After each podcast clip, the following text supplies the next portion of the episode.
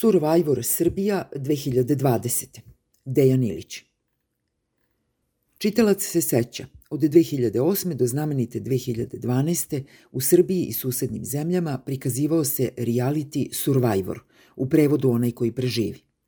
Učesnici programa, kako stoji u opisu, borili su se da prežive u nemogućim uslovima bez dovoljno osnovnih sredstava za život – Survivor je neka vrsta izopačene poluigrane nadogradnje na čuvenu dokumentarnu seriju Survival.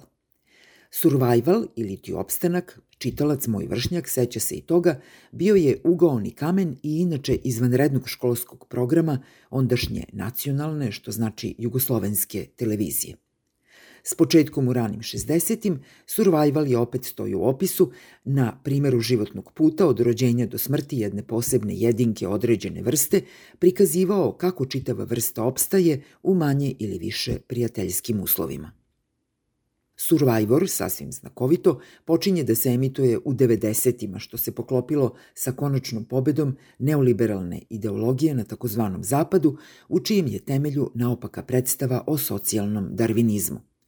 Kod nas videli smo Survivor stiže s dve decenije zakašnjenja kao bleda kopija borbe za preživljavanje u ratovima iz 90-ih.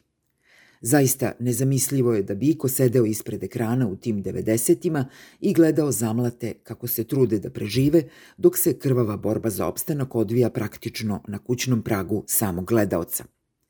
Da smo umeli da gledamo, znali bismo već 2012. zašto je televizijskom kanalu koji ga je emitovao ponestalo dobrih razloga da nastavi sa Survivorom. Sa nestankom Survivora, njegov ondašnji voditelj Ivan Ivanović morao je takođe da potraži novi posao. Sa ekrana Survivor se ponovo vratio u realni život žitelja Srbije u režiji istih autora kao i 90-ih, ondašnjih radikala, a današnjih novoradikala sa jakom podrškom iz redova tobože prokazanih žutih. To što danas živimo u Srbiji može se opisati kao survivor, borba za golu egzistenciju u nemogućim uslovima bez dovoljno osnovnih sredstava za život. U odnosu na poluigrani serijal, realni survivor se u ponekom važnom detalju bitno razlikuje.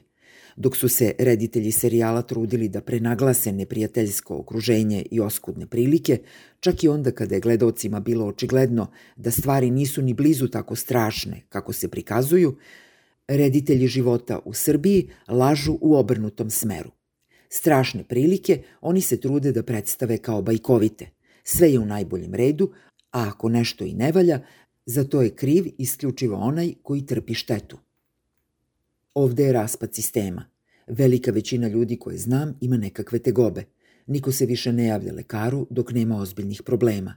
Gužve su u COVID ambulanti nesnosne. Nema ničega, ni testova – Rentgen ne radi. Katastrofa, užas.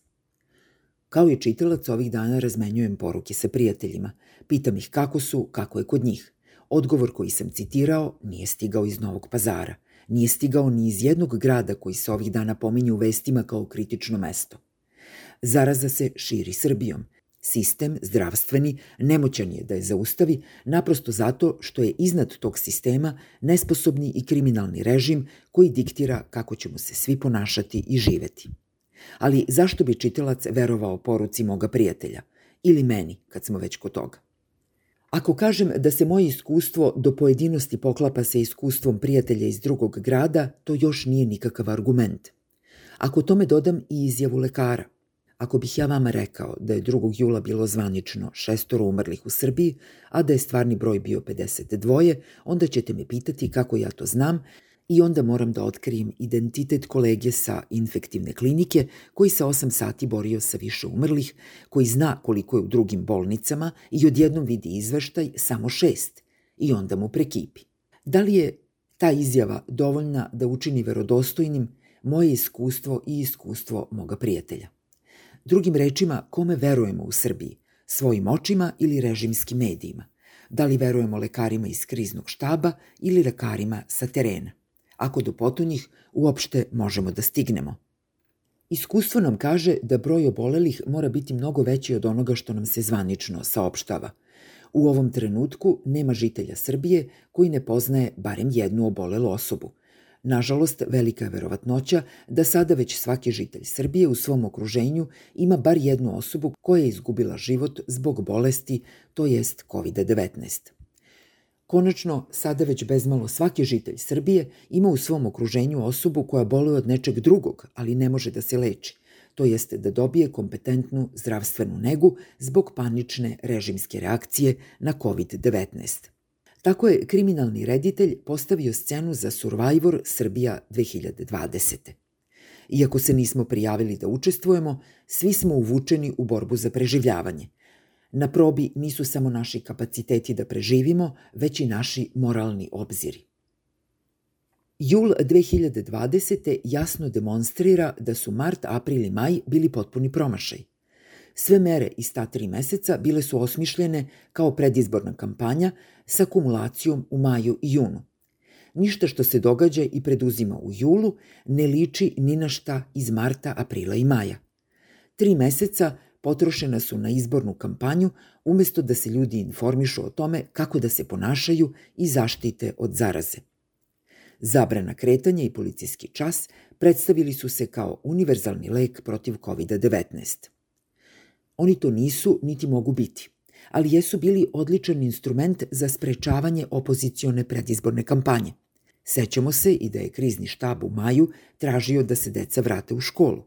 Sada je jasno da u školu verovatno neće krenuti ni u septembru. Prevareni i sluđeni, žitelji Srbije uleteli su u julsku krizu. Jasno je da režim svoje prevarne poruke šalje zdravima i neobaveštenima – Banalna je, ali istovremeno i porazna tvrdnja da on računa isključivo na one koji će preživeti prirodnu selekciju. Prirodno je ovde sinonim za bolest, naravno. Bolest će selektovati pristalice režima. Režim ne zanima koliko će ih na kraju biti, samo ako su njegovi. To su kalkulacije režima. Pitanje je kako mi kalkulišemo, čemu se nadamo, kako ćemo izaći iz survajvora, kao pobednici ili kao poraženi.